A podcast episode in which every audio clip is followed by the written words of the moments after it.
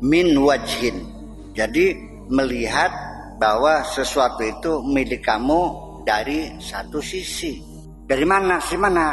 Dari satu sisi karena kamu merasa memperolehnya itu hasil dari jerih payah kamu.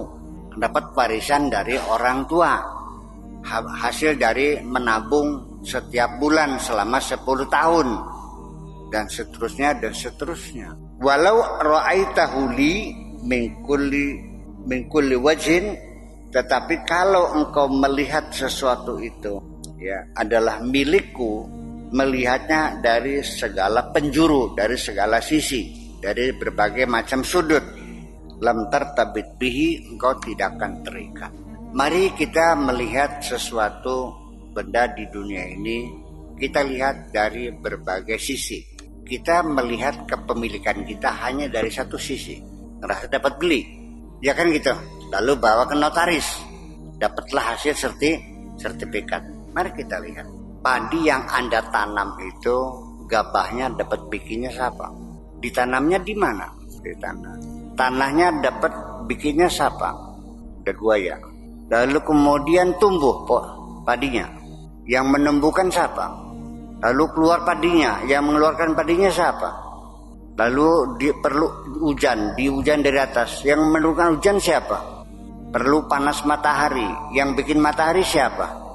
Lalu masih juga Anda merasa memiliki. Masih ngerasa kangelan besarku. Ning leban di kangelan sirane. Itu klaim bohong kan berarti. Kita lihat dari berbagai sisi. Sira macul, masih nunggu apa? Nggak pacul. Pacule bahannya sing apa? Sing besi. Besi ini siapa? Dorane apa? Kayu ini siapa sing macul siapa karo kita peker tangan. Tangan. Sing gawe tangan siapa di mana kepemilikanmu?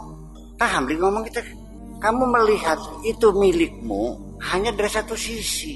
Mari kita lihat dari berbagai sisi. Mentok apa kita beri kabel apa apa keterga? Jadi di situlah kepicikan kita ketertutupan kita karena kita sulit untuk melihat sesuatu dari berbagai segi. Kita baru melihat dari satu sisi, kita sudah mengklaim inilah yang benar. Tolong dong orang lain juga bisa melihat sesuatu itu dari sisi yang lain dan berbeda. Nih, di, di bidang zakat saja. Imam Syafi'i zakat ziroah, zakat pertanian. Imam Syafi'i melihatnya zakat ziroah itu dari sisi ketahanan pangan Imam Abu Hanifah melihatnya dari sisi keadilan sosial. Maka kesimpulannya berbeda. Kenapa? Melihat dari sudut pandang yang ber kalau Imam Syafi'i dari strategi pangan. Jadi yang membuat orang bisa bertahan hidup adalah makanan pokok dong. Maka yang di yang di apa namanya yang dikenakan pajak itu zakat itu adalah makanan pokok dan makanan pokok itu syaratnya harus tahan lama seperti jagung, gandum, beras, jagung dan sebagainya. Nah kalau sabrang bawang sekalipun kamu punya bawang 10 kintal nggak punya beras mampus. Jadi nggak wajib kata Imam Syafi'i. Imam Maliki karena dia sebagai sebagai seorang entrepreneur maka dia lebih jeli. Ya ternyata hasil nanam bawang jauh lebih besar daripada nanam padi. Nanam cabai sampai pernah meningkat 120 ribu per kilo. Pernah. Sampai dapat hasil 3 miliar. Kata Imam Syafi'i yang nggak perlu wajib zakat. Yang habis gimana adilnya?